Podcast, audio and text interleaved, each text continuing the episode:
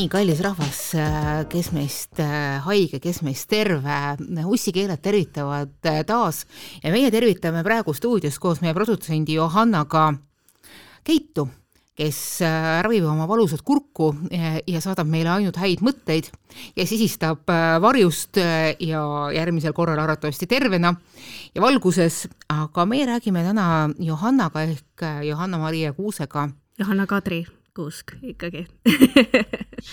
Ei, ei pea alustama algusest, tegelikult ka kõik on hästi ja ma, ma saadan nice. Äh, Keidule ka oma kõige, kõige soojemad, soojemad soovid ja oleme mõtetes ju temaga ikkagi ka sa tundusid mulle nii Maria moodi ah,. noh jah, see on kõige parem vabandus, et äh, kui sa kellegi nime valesti ütled, siis naerad, et aga sa oled lihtsalt nii Maria nägu jaa, aga sa, sa arvad, et kui palju ma elus olen selliseid vabandusi pidanud kuulama, kui palju inimesed Manonaga on eksinud? milleks sind äh, kutsutakse siis äh,? Manona, Madonna, äh, see on kõige tavalisem, siis Manuela, siis mingisugune Mann ja siis mingisugune Manjana, Manjana on täiesti tavaline, kusjuures tegemist, tegemist on Manona puhul hästi lihtsa nimega, mis on sisuliselt anagramm Manona mm, -hmm, eks ju mm, kes, yeah. keskel see A N O N A nagu mitte ühtegi keerulist äh, ühikut, mitte ühtegi susisevat ega põrisevat ega mingisugust äh, ebaloomulikku täheühendit aga tead, tead, tead, miks ma sind valesti ütlesin? ma ütlesin sellepärast, et, et see on see teema, millest me oleme juba viimased kaks tundi toimetuse vahel üritanud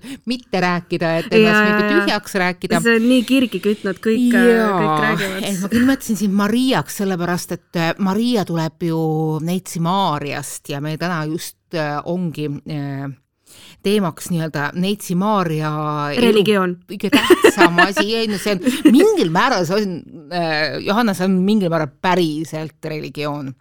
ja me räägime sünnitussurvest ja me räägime laste saamisest, tegelikult me räägime sellest, et, et äh, kuidas suhtuda lastetusesse, ehk siis me jah, räägime äh, oma ihuviljadest või nii ja. ja nagu loo läht-, lähteülesanne või meie vestluse seekordne lähteülesanne on see, et, et et jah, me teame kõik seda, et, et äh, lapsi on okei okay mitte tahta, ma olen sellest tuhat ja ükski artiklit kirjutanud.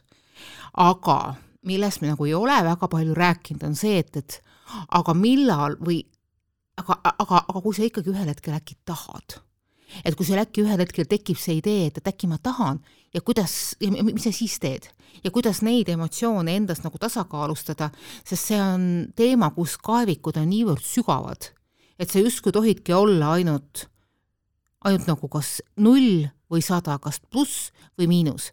et noh, et kas sa ei taha nüüd ja mitte kunagi enam lapsi või sa tahad nüüd ja kogu aeg lapsi ja või kui sa ei tea, kas sa tahad või ei taha, siis va, va. küll sa lõpuks jõuad sinna, et sa tegelikult tahad, on ju.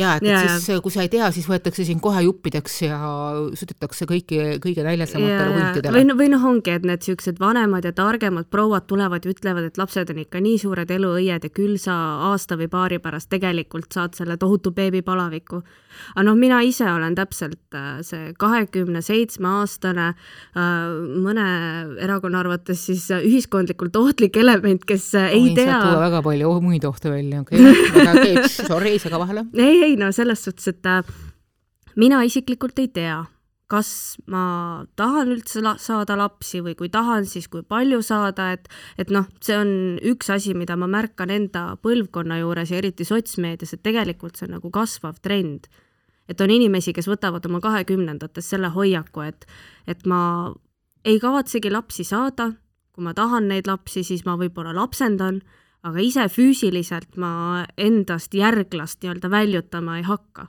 et pigem ma võtan selle asemel koera või, või ma siis tõesti jah, lapsendan või siis ma olen mingil muul moel üldse nagu ühiskonnale kasulik, kui siis nii-öelda selle jätkamise läbi tead, mis asja, ma kuulan sind ja mõtlen, et see on nagu mingisuguste ammuste aegade kaja.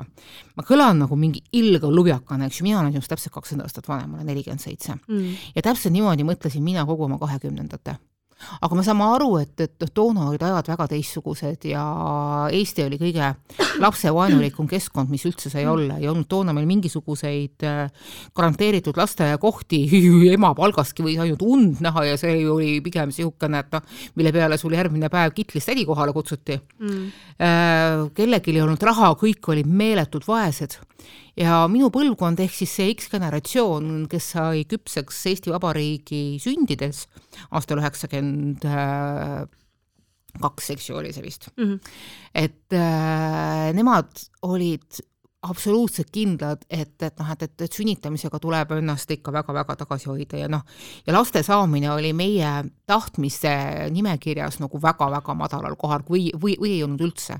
sest me kõik mäletasime, kuidas äh, oli eelmistel aastakümnetel äh, või aastakümnel, kellel olid suuremad perekonnad, milline õudus äh, tegelikult olme oli, kui vaesed me kõik olime, kuidas tõesti mitte midagi ei olnud saada, isegi siis, kui sul mingisugust käibevahendeid oli, isegi siis ei olnud midagi saada aga ma olen pigem just ette kujutanud, et üheksakümnendad, selline vabanemine, et kas siis just ei olnud nagu mingit buumi või?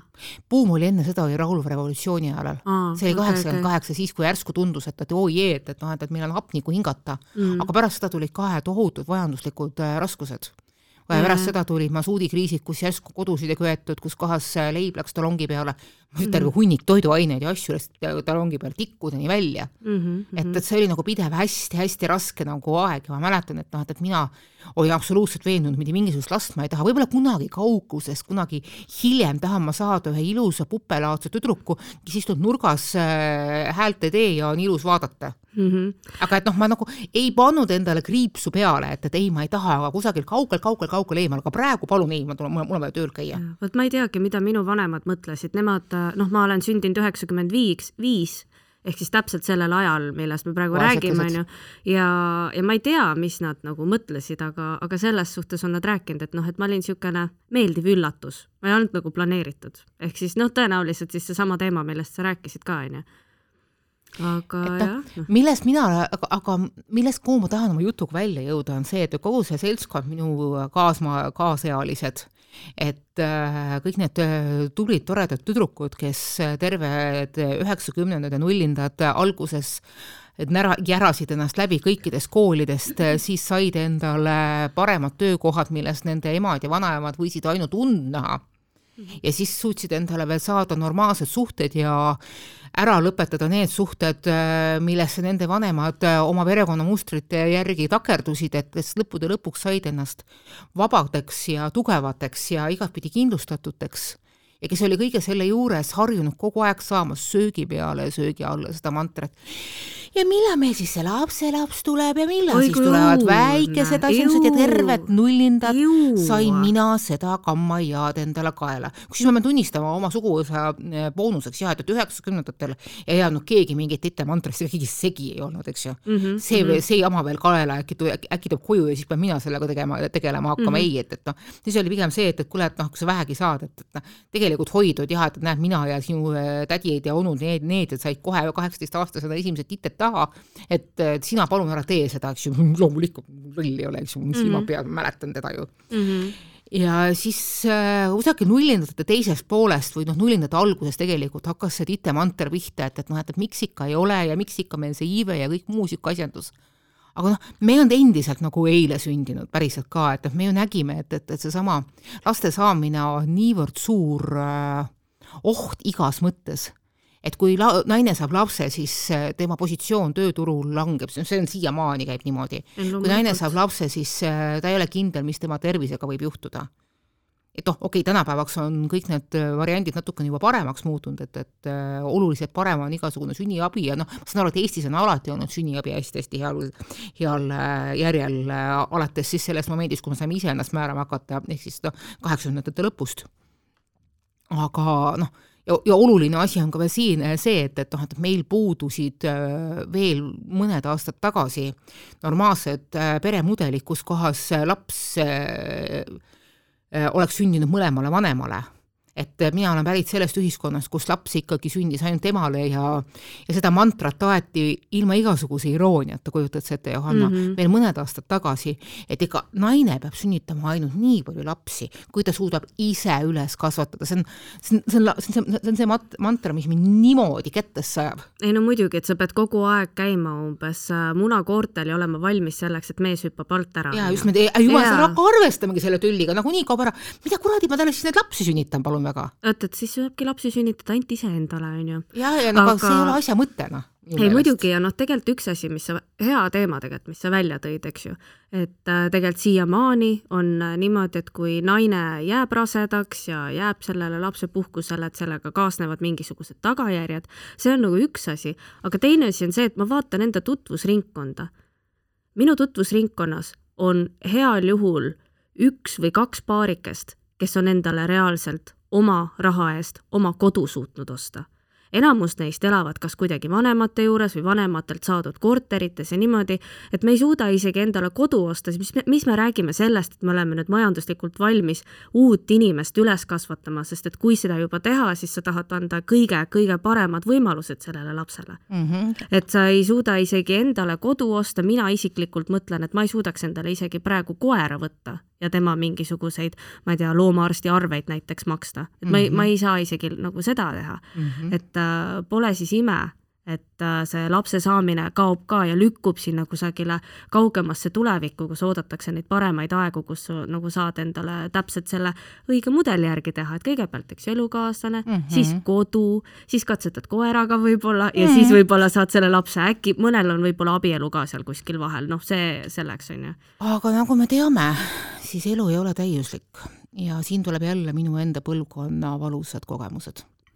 ja needsamad minu sõbrannad kes kogu oma elu on õppinud, arendanud ennast, käinud, reisinud, otsinud, saanud huvialasid, saanud endale lõpuks võib-olla selle õige partneri ka, kes ei ole mitte eluarmastus ja prints valgel hobusel, vaid ka päriselt normaalne lihast ja verest äh, päriselt eksisteeriv ja mitte ära kaduv ja mitte illusioonidega ära pikitud mingisugune ideaalmees, vaid noh, päris inimene, kes äh, ka muredega suudab hakkama saada. ja järsku nad avastavad, et, et nüüd, kus nad tahaksid last saada, nad enam ei saa. sest vahepeal on läinud aeg edasi. ja tuleb välja, et, et üks asi, mida kõik need vastikud tädikesed ja onukesed kaagutasid, et et siis, kui sa hiljem tahad, siis sa enam ei saa. et see on see bitch. ja see on täiesti teadlik ropendus praegu no jaa, see tegelikult küll. kehtibki ja see ongi niimoodi, et ühel hetkel saab sul aeg otsa. ja siis needsamad minu tuttavad on pahandanud, aga miks keegi meile sellest ei rääkinud? et ühel hetkel võib ka päriselt aeg otsa saanud. ja mina ei suuda selle peale midagi muud mõelda, kui et, et et see on nagu üks asi Eesti elust, et noh, et meil läheb asjad niipidi ja naapidi alati kahjuks veidi kampaaniasse et ühelt poolt on see kampaania, et, et kurat, miks sul tittasid ei ole. ja teiselt poolt kahjuks on ka see natukene kampaania, mul ei ole neid tittasid vaja ja jätke mu hing rahule. ja üks pendli see viibe on otseselt seotud selle teise pendli viipega ja ma täiesti usun, et kui mulle niivõrd palju ajudel ei oleks käidud, et noh, et, et, et sa, noh, et, et sa hakka juba neid tittesid saama, siis võib-olla ei oleks minu trots olnud nende tittede saamise suhtes nii suur mm. -hmm. minul ses mõttes läks teistpidi, et, et et mina hakkasin lapsi tahtma äh, kusagil kolmekümnendates, aga siis ka võivad tulla juba esimesed mingisugused äh, viljakusprobleemid, sest inimesed on hästi erinevad. ja meil on ka, me oleme ka see loll rahvas ja ma olen hästi palju seda kohanud, kohanud ja ma saan aru, et see on hästi subjektiivne et kui inimesel on viljakusprobleemid, siis seda kuidagi seostatakse tema mingisuguse väärtusega. ja see on Ai, esimene asi, mida ma tahan öelda, et, et noh, et, et sellega ei ole sinu noh, inimese väärtus mingit pidi seotud ja see on ka asi, miks, miks sellest ei taheta nagu rääkida. Need, kes ütlevad niimoodi, käigu sinna kohta, ma tegelikult tahaks korra vahele küsida, et aga, aga needsamad sõbrannad, kes äh, või noh, tuttavad, on ju, tegelikult võivad olla ka, ka nagu mm -hmm. muud, et äh, et kui nad lõpuks on sellises vanuses, kus nad tunnevad, et nüüd on õige aeg perelisa jaoks ja nad avastavad, et äh, bioloogiliselt on nende jaoks liiga kaugele ju nagu läinud see asi, siis miks nad ei lapsenda? lapsendamisega ei ole Eestis üldse nii lihtne. sa pead läbi tegema meeletult äh, raske kadalipu. no aga kui see sa tahad seda perelisa nii väga ja siis miks sa seda mitte teha? jaa, aga sa oled luubi all ja sa ei saa see ja sa võid saada ühesõnaga noh, see natukene teine teema, aga veel natukene aega tagasi, võib-olla ma loodan, et praeguseks on olukord muutunud, siis lapsendamistega oli see probleem, et, et selleks, et saada päris väikest last, kes on päris sinu oma kogu aeg olnud, inimestel on selline subjektiivne ja ja mingil määral ka väga egoistlik soov, et nad tahaksid algusest saadik kedagi kasvatada, et mhm. selliseid mm -hmm. lapsi ei ole teps mitte saada. ja meie hoolekandesüsteem on selline, et, et lastelt ei võeta ära, lastevanematelt ei võeta ära vanemlikke õiguseid ja nad -hmm. jäävad kogu aeg kusagile rippuma. Et siin on olnud lugusid sellest, kuidas äh, seesama äh, ema, kes on kusagile ripnema jäänud, on oma lastele viimaseks kindl-, kingituseks teinud Venemaa kodakondsuse. Või et, et noh, et, et äh, tegelikult sellel kasuvanemal ei ole selle lapse suhtes nagu erilisi õigusi ja ta ühel hetkel peab selle lapse kusagile tagasi isegi andma, sest et noh, et ikkagi loodetakse, et, et lapsevanemad võtavad endale noh, nii-öelda jalad alla et nagu hoolduspereks rohkem, ja, mitte et, nagu no, päris vanemaks. ma loodan, et ma eksin praegu ja palun kindlasti parandage mind, aga see lapsendamise protsess ei ole üldse mitte nii lihtne. et jaa, hooldajaks saada on, aga jällegi no see, ju ei taha see investeering, see sinu eh, investeering võib olla liiga ränk selleks, et, äh, et taluda äraütlemist või siis seda, et, et sa et sa pead sellest lapsest loobuma, sest et äh, lapse saamine või lapse adopteerimine või isegi noh, küsimus ei ole siin adopteerimises, vaid äh, lapse enda hinge laskmine, see ei ole, see ei ole koera võtmine et sa pead nagu, et, et, et sa võid nagu selle nagu tagasi anda, siin ei ole tegelikult äh, tagasiandmisi. see kõik on seotud tohutute, tohutute emotsionaalsete valudega. ja see on võib-olla küsimus, mikspärast äh,, mikspärast ikkagi äh, tahetakse oma last, ma olen rääkinud mitmete äh, naistega, kes ei saa, noh, kellel on olnud äh, viljakusprobleeme ja kes nagu said liiga hilja nendest viljakutest probleemidest aru ja nad on öelnud seda, et, et jah, ta saab aru, et see adopteerimisvõimalus on olemas. aga adopteerimisega on see asi, et sul peab soovitavalt olema korralik partner. aga võib-olla seda partnerit ei ole. sa ei saaks näiteks ja no on, on, on juhtunud kui mõni mees tahab Mm. on, on kusjuures olnud adopteerimisega üksikvanemana, aga ma saan aru, et see on pigem mingisugune reeglit kinnitav erand mm. -hmm. et, äh, et inimesed tahavad saada ikkagi enda last. et, et see on niisugune egoistlik soov, et, et noh, et ma tahan, et keegi oleks, kes on minust tulnud. ja loomulikult siia tuleb jälle kõik, kogu see mantra juurde, et, et noh, et, et kuivõrd äh, kuivõrd isetu on üldse lapse, lapse sünnitamise soov, et, et see on nagu igal juhul mingil määral egoistlik. et sa tahad just iseennast edasi anda. aga noh, kogu meie elukaart võime niimoodi võtta, et ongi puhas iseenda ego katse ja eksituse põhjal äh, õpetamine.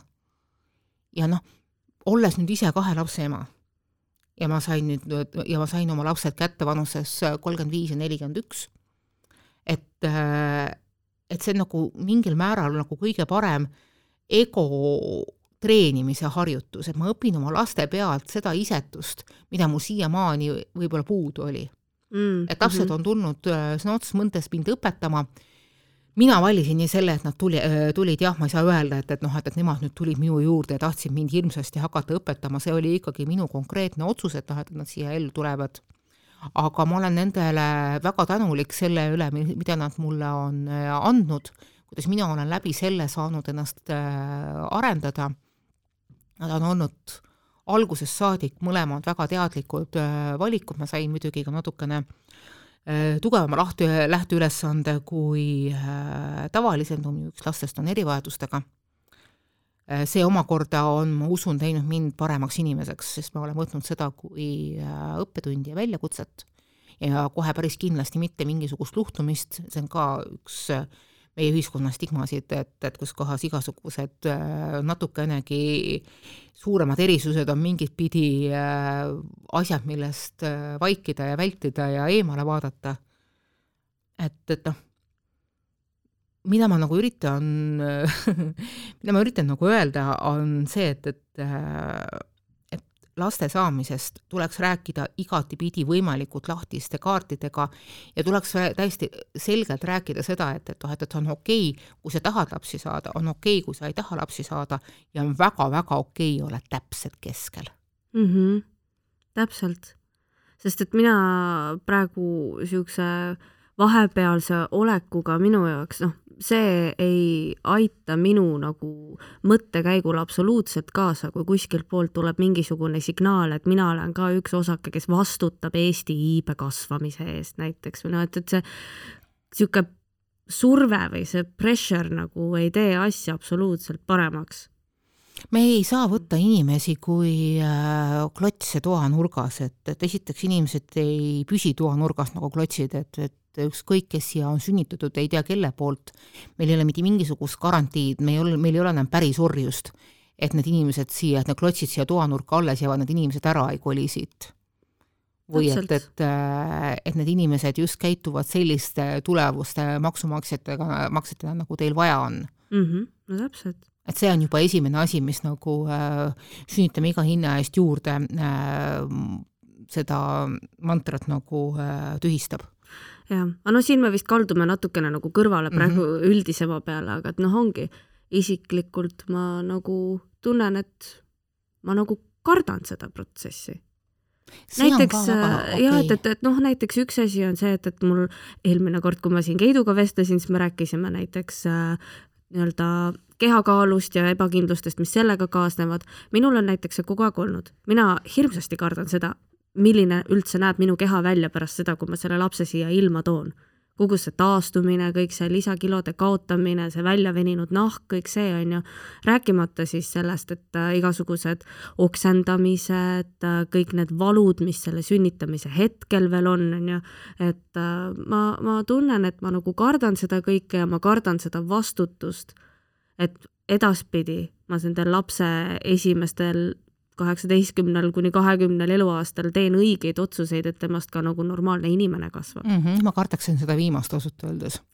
et äh, kõikide nende narratiivide või nende lugude juures on nagu üks probleem. inimesed äh, laiendavad enda isikliku kogemuse kogu ühiskonna peale, et kui minul oli sitasti, see oli kõigil sitasti. kui minul oli ülinormaalne ja hea rasedus, siis küll, küllap teistel ka saab tulema ja sellest tuleb nagu esimese asjana osata üle vaadata või noh, sest et noh, et nemad sellest üle ei vaata, nemad jätavad endiselt selle üldistuste noh, nagu üheselt, ühelt üldisele äh, utreerimiste tegemist, et äh, see on praegu ainult minu konkreetne lugu, mis järgneb, et, et ka mina kartsin seda ja Johanna, ma olen eluaeg olnud see probleem, see, see tšikk, kes on nagu äh, liiga pikk ja liiga paks ja keha, kehakaalu ja oma kõhukesega olema kogu aeg olnud probleemiks ja ma kartsin ka rasedust, päriselt. aga konkreetselt minu juhtumil juhtus see, et, et mina võtsin rase-, mõlema rasedusega meeletult kaalust alla. aa, no veab sul, sest et see ongi täpselt see, mis, ma ei tea, millest see niisugune tobe tobe niisugune suhtumine või, või naljatamine tuleb, et kui ma kas siis räägin mingisuguste tuttavatega, kes on minuvanused ja lapsevanemaks saanud, naistega just eriti, kes siis seda last mhm. kannavad, või loen kusagilt sotsmeediast või kust iganes, siis kuidagi on nagu see tobe komme, et kui keegi räägib umbes, et aa, et mul oli äh, rasedus natukene raske, ma tundsin, et mul esimestel kuudel oli natukene seda morning sickness'i, et ma oksendasin, et siis toimub niisugune nagu ärapanemine, et ah oot-oot-oot, kuule, tead, mõni siin oksendab kuni lõpuni, onju ja, või, või see, või see, kui sa oled mingis olukorras, et aa, et, et noh, et mulle tundub nagu hirmus see äh, sünnitamine, et see võtab kaua aega, aa ei tead, oot-oot, mõni, mõni siin sünnitab ikka kaks ööpäeva järjest mm -hmm. on valudes, on ju, et kogu see niisugune naljaga, et oh, tegelikult vaata, kui hull see kõik võib olla ja niisugune nagu hirmutamine on see, mida mul on kõige vähem vaja vaadata. see on nagu see õudusfilmide vaatamine, et, ja, et, et võimalikult palju verd ja mingisugust äh, rattaketti peab lendama. ja, ja, ja, ja et see, et see on nagu fun vaata. Neid, neid saekette, et, et ja et oi, tead, kui mina ja, oma ja, esimese lapse sain oi,, oi-oi-oi, tead, ma ei suutnud, ma ei suutnud kaks nädalat normaalselt kõndidagi, ma olin nii katki alt, onju, et no ma, ma nagu ei, milleks üldse nagu rääkida neid asju või et noh, see siuksed tondilood, eks ju, need ja jaa, ja see on nii nõme. kui sa vähegi saad, siis ürita neid nagu sellise tondilugudeni võtta, et noh, rasedus, mulle, mulle üks vanem gümnakoloog tegi selle noh, nagu mitte selgeks, vaid ütles selle kohta kusjuures hästi äh, hästi viisakalt, üldse mitte invasiivselt, et see ilmtingimata peaks minuga olema ja see on lõplik mm. tõde, mis on nagu tavaline, mis juhtub mm. -hmm. on mhm. see, et, et noh, et ma no nagu sa nüüd nagu mõtled natukene, siis et meil on olemas vaim, mis meid juhib, aga meil on olemas ka keha. meie keha on arenenud läbi äh,, arenenud välja selliseks läbi aastatuhandete, mitmete aastatuhandete ja naise keha, eriti tema reproduktiivorganid, eriti see seal allpool, on arenenud selliseks välja läbi inimpõlvede just selleks, et võimalikult edukalt rasedusega hakkama saada.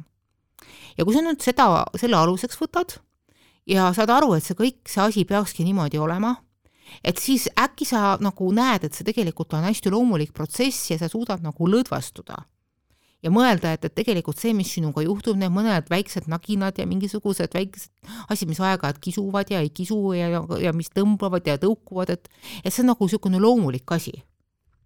ja kusjuures mind see toona nagu aitas, et see võttis mult hästi palju sellist äh, perekoolis õpet-, õpitud hali, halisemist maha, et, et noh, et, et, et kord on siit sähvab ja kord sealt sähvab, et, et noh, et, et appi-appi. ja ma ise olen nagu tunnetanud, et et noh, rasedate naistega on meie, meie ühiskonnas niisugune hästi kummaline asi, et, et noh, me oleme niisugune äh, mitte midagi pühaks pidav äh, protestani, protestantlik äh, usu, tegelikult ülimalt usukauge maa et kus kohas äh, mõnikord rase naine peab endale nagu lisatähelepanu sõna otseses mõttes välja kerjama ja nõudma, sest muidu ei peeta tema konditsiooni millekski. ja siis võib-olla tulevad mingisugused äh, liialdused ja, siis teisipidi ja, ja, ja need õudusjutud just mm -hmm. sellepärast, et keegi ka saaks aru, et, et noh, et, et päriselt ka, et, et kui mul on kõht ees, siis ma, ma ei lähe kümne kilomeetrile matkale ega tõsta neid kuramuse kaste mm. -hmm et äh, ja teistpidi jällegi, et, äh, et, et sealt tulevad ka need asjandused, et rasedus ei ole ju mingisugune nakkushaigus ja mis tähendab, mis, mis, mis mõttes sa tahad seal rohkem pika, pikali olla ja puhata. aa, no seda küll ja et, et teha ennast võimalikult haledaks, et reaalselt nagu saada siis seda puhkust, mida võib-olla mm -hmm, mõni mm, -hmm. mõni lapseootel naine vajab rohkem kui teine, on ju. ja, ja mõned ei või, ei pruugi sellest aru saada, siis ma olen ka aru saanud, et, et noh, kui ma vaatan siin mõningaid äh, ma olen nagu kogunud neid raseduslugusid, et see on minu, üks minu tööst olnud, et, et nii mõnigi kord juhtub, et partneri rasedus on mehele niivõrd ehmatav, ta ei saa sellega hakkama, eriti kui tal endal päritolu perekonnas ei ole olnud neid lähedaseid sidemeid oma ema ja vanaemaga ja, ja kui ta ei ole pealt näinud. õdesid olnud või. jaa, et, et kuidas mm -hmm. nagu, kuidas nagu lapse tootmine või noh, lapse küpsetamine kõhus tegelikult nagu kõrvalt välja näeb mm, -hmm. siis see hirm võib olla niivõrd suur, et, et ta hakkab seda nagu tõrjuma mm. -hmm. kui, ja kui on tegemist niisuguse klassikalise emotsionaalselt natukene ebaküpse tegelasega, siis sealt võivadki tulla nagu hästi vastikud asjandused. et noh, et, et rase on naine, on vastik ja väkk ja ma ei tea, ebaseksikas ja kõik muu niisugune asjandus. ja, ja, ja sealt tuleb nagu teistpidi jälle isegi hirm, et, et noh, et mul on ju kena partner, aga siis, kui ma rasedaks jään, siis võib-olla, siis, siis, siis võib-olla tema keerab ka ära ja jätab mu üksinda. ja niisugused mm -hmm. lood on kahjuks nagu ülimalt tavalised mul on küll sõbranna, kes alati küsib selle kohta, ma no kus kuradi kohast sa neid lugusid välja võtad, kus kohas need tüübid on, kes oma rasedad naised alguses üksi jätavad, siis äh, tööga üle koormavad ja lõpus, kui kõige raskem moment on, kus nagu päriselt tuleks minna sünnitama, siis ka maha jätavad mm. -hmm. aga neid lugusid on, vaata, võta, võta perekool lahti algusest lõpuni. ja kogu selle valguses, kui sa kõik need paganama hirmu, õudus ja perekooli lood oled läbi lugenud, siis mõni ime, kui sa leiad, et noh, sorry, mitte minu mürgikarikas nojah, eks mehed selles suhtes mängivad nagu suht suurt rolli, noh, mul isiklikult näiteks on äh, partnerid, ma ütleksin okei okay,, partnerid ja mm -hmm. meie siin lihtsalt oleme mõlemad, eks ju, heterod, aga, aga loomulikult äh, kuulajate, kuulajatele teadmiseks mm -hmm. me kõik, eks ju äh,, oleme ühel lainel sellega, et on ka, on ka teistsuguse dünaamikaga paare.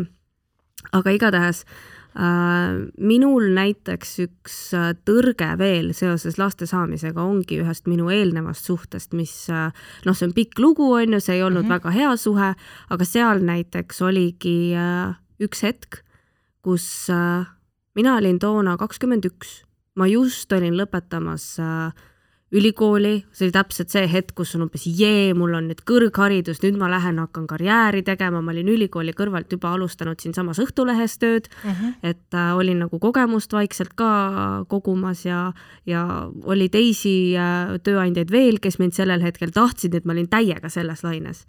ja siis tuleb minu toonane elukaaslane minu juurde, kes on minust ka oluliselt vanem ja ütleb, et äh, kuule, Johanna, tee, tee, luba mulle midagi et okei okay, uh, -oh. mis on ju, luba mulle seda, et enne kui mina kolmkümmend saan, annad sa mulle tite.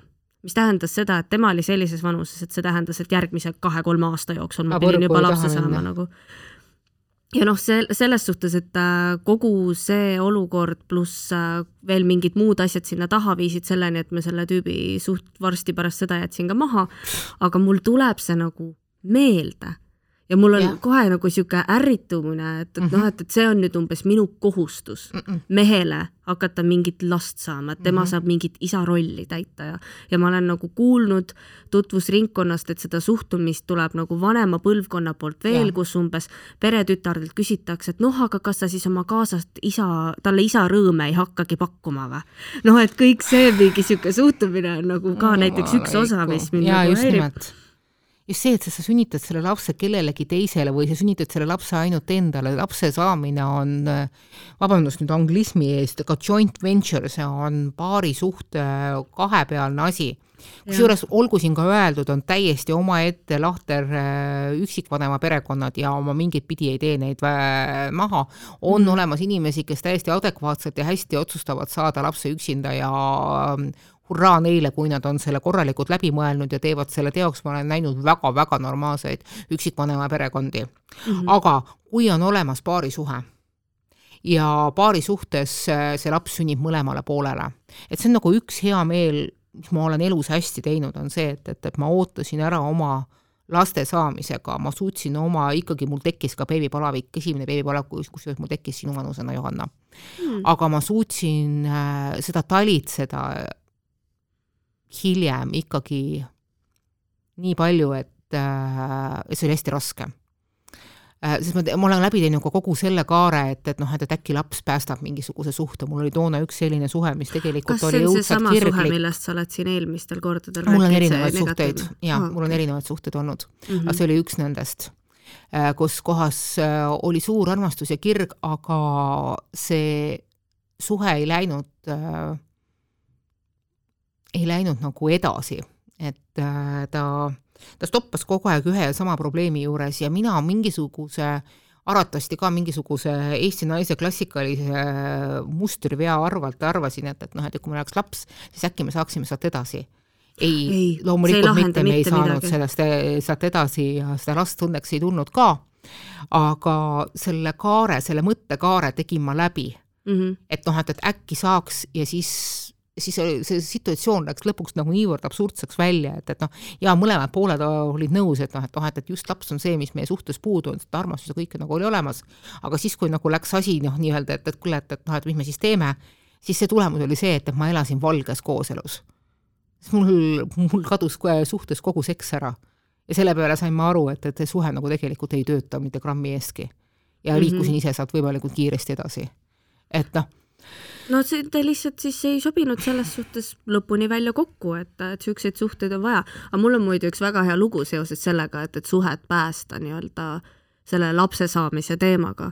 mul, mis, ja see on nagu ma ütlen, see võib kõlada väga julmalt ja halvasti, aga minu jaoks ma pigem nagu mõistan hukka sellise asja et lapsega kuidagi mingi suhte päästmine ja ma räägin kohe, mis kontekstis ma seda mõtlen. mul on üks äh, tuttav ja tuttav on siis, oli koos oma elukaaslasega, nüüd nad on juba lahku läinud.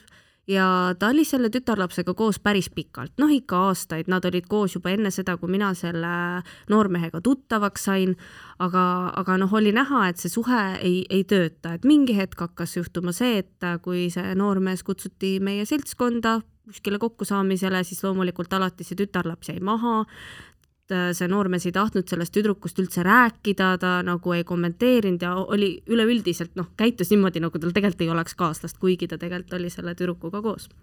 ja mis lõpuks juhtus, oli see, et kui ta sellele asjale lõpu tegi ja sellest tüdrukust lahku läks, siis mis see tüdruk otsustas, oli see, et ta hakkas kõigepealt kõigile tuttavatele kirjutama eraldi et tead, näe, mis juhtus, et see noormees jättis mu maha ja papapaa ja kõik kulmineerus sellega, et ta võttis kuskilt Google'ist mingisuguse pildi positiivsest rasedustestist, töötles seda natukene ümber realistlikumaks ja hakkas seda saatma kõikidele selle noormehe sõpradele, et näe, ma olen umbes rase ja lapseootel ja vaata, see noormees ikkagi jättis mu maha. Ja lõpuks nii palju, et saatis ka selle noormehe emale, et näe sinu poeg jättis mu maha, aga tegelikult meil on siin umbes uus elu tekkimas ja, ja noh, tegelikult see kõik oli ju suur vale. ja lõpuks see paiskas sellele tüdru-, noh, tüdrukule näkku ja, ja noh, minu arust see, niisugune olukord, ükskõik, kas see on mingite sõnumite kaudu, kas see on otse noormehele, kuidas iganes sa üritad äh, mingisuguse lapse saamise või raseduse asjaga mingit asja kokku uuesti liimida siis tegelikult see lõpeb tõenäoliselt samamoodi nagu see situatsioon no igal juhul selles näites ei ole mitte ühtegi õigustavat asja, välja arvatud see, et, et Kutt oleks võinud Kuidi tüü tšikile juba ammu selgeks teha, et, et noh, et, et ei ole vaja, eks ju. sest et noh, teistpidi jällegi ma ei salli seda situatsiooni, kus kohas hoitakse nagu nii-öelda heinu koera all, et ise ei söö, aga teistele ei anna. et noh, et, et siis tuleb ka. nagu suhe vabaks lasta või nii no,. et noh, mingil määral tšikk noh, mingil määral kutt küpsetas iseendale jama kokku mm, -hmm. et noh, et igas jamas on nagu kaks osapoolt, et see on nagu kuti osapool, et, et kui sa nagu päriselt ei taha seda tüdrukut, siis jäta ta maha. ei loomulikult, eks enne kui ei... tšikk hulluks läheb. aga mis puudutab nagu lastega mingisuguste suhete päästmist ja see, et, et see mingitki pidi adekvaatne on, see ei ole mitte mingisuguse koha pealt adekvaatne. isegi siis, kui sellel hetkel mõlemad inimesed arvavad, et oi, umbes nii, et see meil ongi puudu mm. -hmm. et ses mõttes, et see SWOT analüüs, mis tuleb teha enne lapse saamist, on ikkagi väga-väga korralik et mhm. kas ma saan sellega hakkama ja nüüd mõtlen välja absoluutselt kõik, kõik äh, täiusliku tormi elemendid, mis võivad kokku langeda. mis saab siis, kui me, kui meil tuleb niimoodi, mis saab siis, kui äh, keegi kaotab äh, töökoha, keegi saab parandamatu haiguse mm, -hmm. keegi peab kusagile ära kolima, mis muud niisugused asjandused. ja kui selle SWOT analüüsi põhjalt on ka vastus veel positiivne, siis võib tõesti olla see, et, et see suhe ja sellest tulev laps annab midagi maailma kõiksusele juurde ja ka lõppude lõpuks ma võin tuua siia nüüd äh, vastupidise näite, et mul on ka tutvusringkonnas üks äh, inimene, kes äh, räägib lapse saamisest täiesti nagu rahalistes ja majanduslikes terminites, noh, see on muidugi minu põlvkonna ja noh, minu vanuste suurim mure praegu on ju, et kui sa ei saa isegi endale kodu lubada, kuidas mm -hmm. sa lapse lubad endale.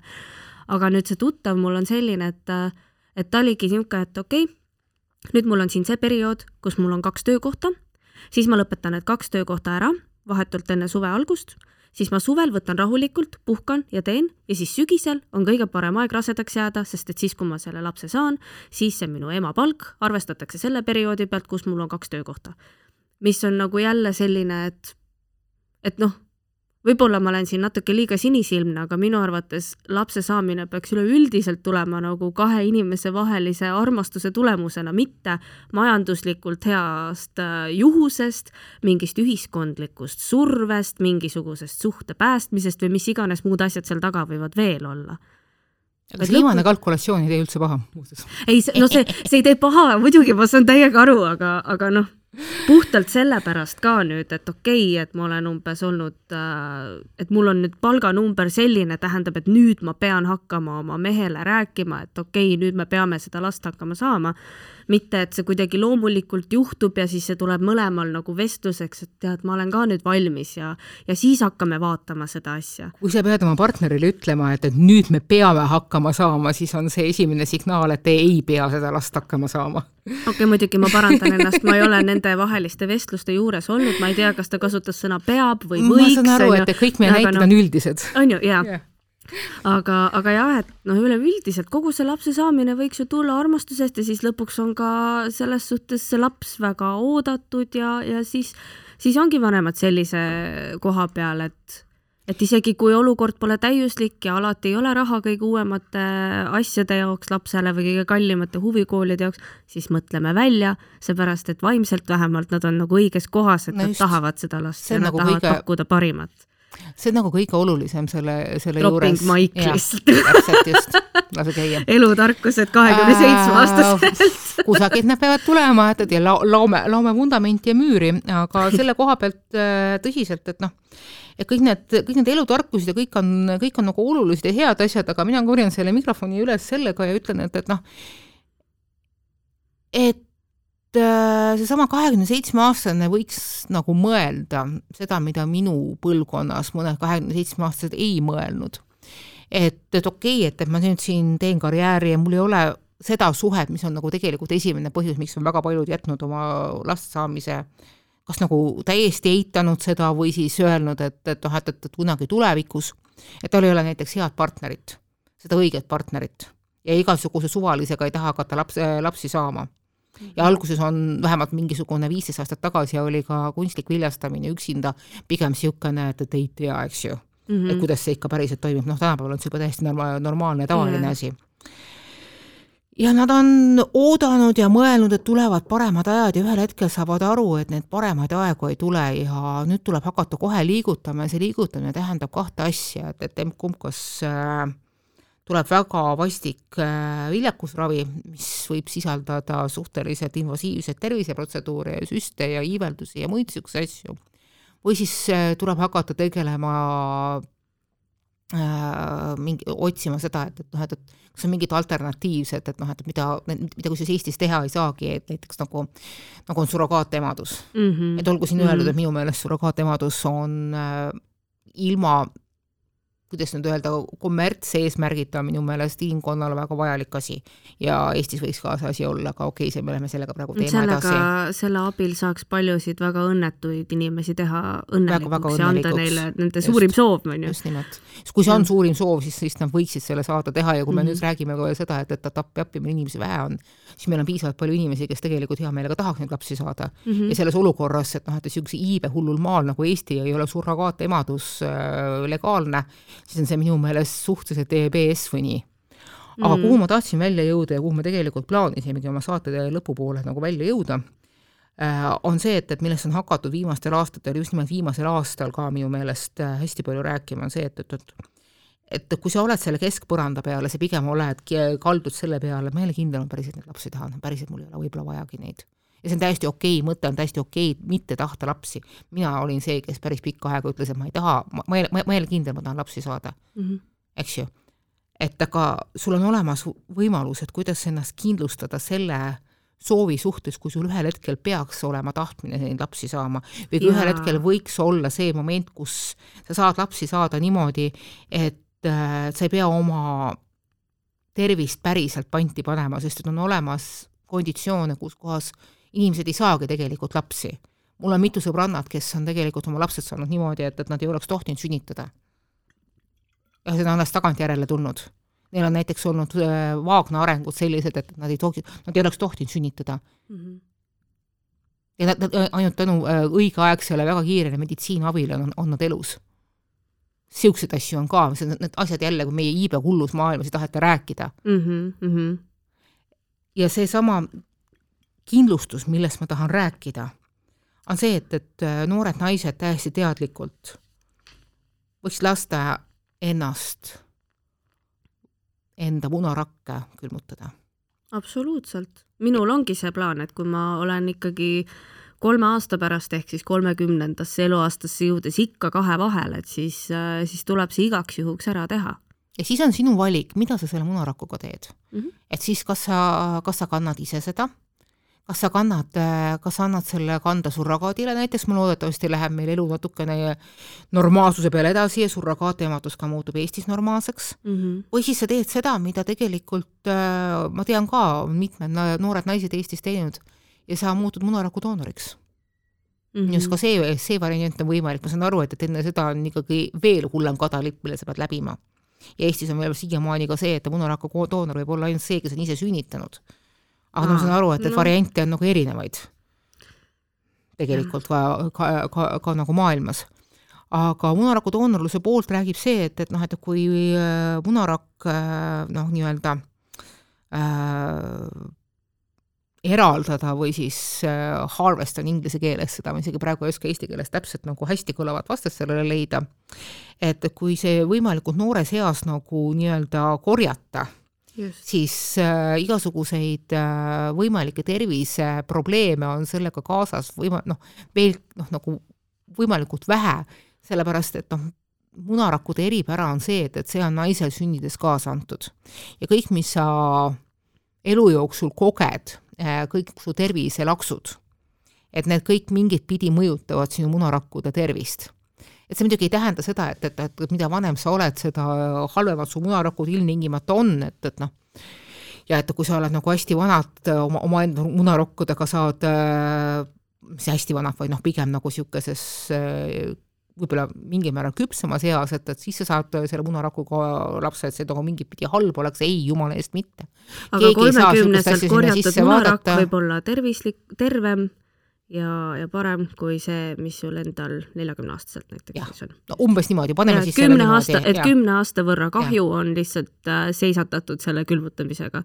ütleme, et natukene nagu minimeeritud, ei pruugi olla, aga kus sa tead. ja see kindlasti ei tähenda, et, et noh, et kui sa näiteks oled neljakümnendates ja mõtled, et noh, et, et et mis ma siis oma munarakkude peaks peale hakkama, kas need üldse kõlbavad kusagile, kõlbavad küll, näiteks mina rasestusin neljakümneaastaselt äh, täiesti loomulikul teel ja sain neljakümne ühe aastaselt täiesti normaalse, toreda ja kena poisipõnni emaks. aga sinul olid mõlemad rasedused nagu mõnusad, on ju? noh, sa juba ütlesid, et sa võtsid kaalust alla, aga kas nagu see oli natuke tüütu Tüütu see kaalust alla võtmine oli tõsiselt alguses tüütu, sest esimene korraga, naine, keda ma kuulen seda äh, ütlemas. see tuli, see tuli üsna järsku ja ses mõttes, et, et noh, et järsku jäid kõik riided nagu laiaks ja see ise, noh, et iseenesest oli muidugi armas, aga noh, minul oli ka see asi, et, et ega mul eriti söögiisu ei olnud ja need isud mängisid ikka päris korralikult. Mm.. aga ma suhtusin sellesse võimalikult nagu normaalselt, et noh, okei okay,, praegu siis on niimoodi, et äh, davai, et noh, elame sellega edasi Mm -hmm. et noh, et okei okay,, praegu seda mingisuguseid neid asju ei saa süüa, ma raalisin välja, mida ma siis nüüd süüa saan, sõin neid asju hoopis äh, selle asemel ja üritasin endale meelde tuletada, et see kõik on nagu ajutine ja see läheb mööda ja selle eest mul kasvab kõhus mingisugune väike tegelane mm. -hmm. ja olin tema üle rõõmus ja võtsin kõiki neid asju täpselt niimoodi üks päev korraga Äh, seletasin endale ja oma partnerile lahti, mis me, noh, mis minuga toimuvad, äh, lubasin nagu selles mõttes ka oma partneril olla rase, et äh, näitasin talle pilte ja käisime koos arstil ja vaatas koos mm -hmm. minuga ultraheli ja muid asju, et see oli nagu hästi niisugune perekondlik üritus. Ja noh, ja samal ajal teise lapse puhul ma juba töötasin, eks ju, esimese lapse puhul ma olin vabakutseline. Ja siis töösurvet nii palju ei olnud, et, et teise lapse puhul ma võin öelda, kui ma olin nagu Äh, suure naisteajakirja peatoimetaja, siis endale mingisuguseid allahindlusi ma küll ei teinud ja ma töötasin isegi veel nädal aega dekreeti sisse, et ma tegelikult oleks pidanud juba ammu lapsenduspuhkusel olema. Äh, no ühesõnaga noh, nii-öelda lapsepuhkusel olema, aga ma ei saanud oma tööasjadega valmis ja läksin rahulikult äh, nädal aega siis sünnituspuhkusesse sisse ei olnud ka midagi hullu, et, et kõik see mingisugune hirmus väsimus pidada olema ja aeg-ajalt ma natukene väsinud olin mm. -hmm. ja mingisugused iiveldused, muud siuksed asjad, no läksin mööda, raalisin välja, mida ma jooma peaksin mm. -hmm. et see kõik oli nagu mingil määral mõistusega võetav. ma ei teinud sellest mingisugust appi, appi, appi niisugust kogemust või siis see, et oi ei, mul ei ole midagi viga, tegelikult endal on halb olla. nojah, ma ei tea päris värskendav on niisuguste õuduslugude vahele kuulda ka seda, kuidas kellelgi oli see lihtsalt niisugune, et noh, võtad mõistusega ja ja saab hakkama küll no inimesed on hästi erinevad, et, et noh, igasuguseid asju võib juhtuda, et noh, mõnel päeval valutab pea sul ka siis, kui sa ei ole rase, eks ju mm, -hmm. ja mõnel päeval on sul iiveldub ka siis, kui sa ei ole rase, eks ju, et, et noh, ja emotsioonid lendavad naistel äh, sageli äh, muude hormoonsate tasakaalutuste pärast nagu üles-alla. ah issand, selle ma unustasin ära, kõik need mingid tujukõikumised ja hormoonimöllud ja see asjad. see on niigi ja ei, niisugust asja võib tulla päris korralikult ja see on see asi, kus kohas me nagu rääkisime Esteriga hästi avatud äh, kaartide mõttega, et, et äh, mida tähendab tujukus? Äh,, millal tuleb mulle öelda, et, et nüüd natukene läks üle piiri, sest ma ei pruugi sellest aru saada ja et, et mina pean siis äh, õppima huulde hammustama ja tema ei pea igast plärtsatusest võtma tuld. Yeah.. see oli meie nagu niisugune omavaheline kokkulepe, ta pärast tagantjärele ütles, et vahepeal läks ka päris hulluks aga ta, aga ta talus ära kõik ilusti. ta ütles, et, et ma võtsin, et ma võtsin seda kui osa protsessist, et kui ma, kui ma, kui ma teadsin, et see on osa protsessist ja see nagu läheb mööda, et siis ma võtsin seda niimoodi, et okei okay,, et, et noh, varsti läheb see piik maha ja siis on jälle normaalne mm. -hmm. ma läksin põlema mingisuguste asjanduste peale hästi-hästi tugevasti. räägi mõni lugu mis mingi irratsionaalne asi, mis lihtsalt mulle, endast välja mul ei olnud selliseid, selliseid irratsionaalseid asju, ma mäletan, ma võisin välja, välja vihastada ennast mingisuguste ühiskondlike asjanduste peale. parasjagu, kui ma jälle mingisugust artiklit kirjutasin ja siis seal vahutada ja lärmata ja, ja kõik läheb hinge, on ju. ja, ja, ja siis äh, kirjutada kokku mingisuguse täiesti vahutava teksti ja siis, kui ma Kristjanile selle näit-, ette näitasin, mul oli toimetaja kodus olemas, siis oli see, et, et see ei ole väga loogiline, äh, Siim, palun mõtle oma sõnastuse üle, siin ma ei saa hästi aru, mis seal on ja siis nagu esimene moment oli see, tuleb tossu kõrvadest välja, kuidas Jaa. sa võid mit- minust mitte aru mõttes saada. ma ei oska kirjutada Ja sinu sõnul või? ja siis noh, järgmine mingi noh, siis, siis tuli jalutama minna, maha rahuneda ja tagasi tulla ja vaadata, et ei, päris aus olla, siis siin natukene fookusega raskusi küll, et, et noh, võtame siis natukene siin tooni maha vaikselt, et noh, on ju tore, kui keegi sulle natukene peeglit näitab ja näitab seda nurka, mida sa ise ei näe. ei no ta on kuldaväärt mees selle jutu järgi praegu.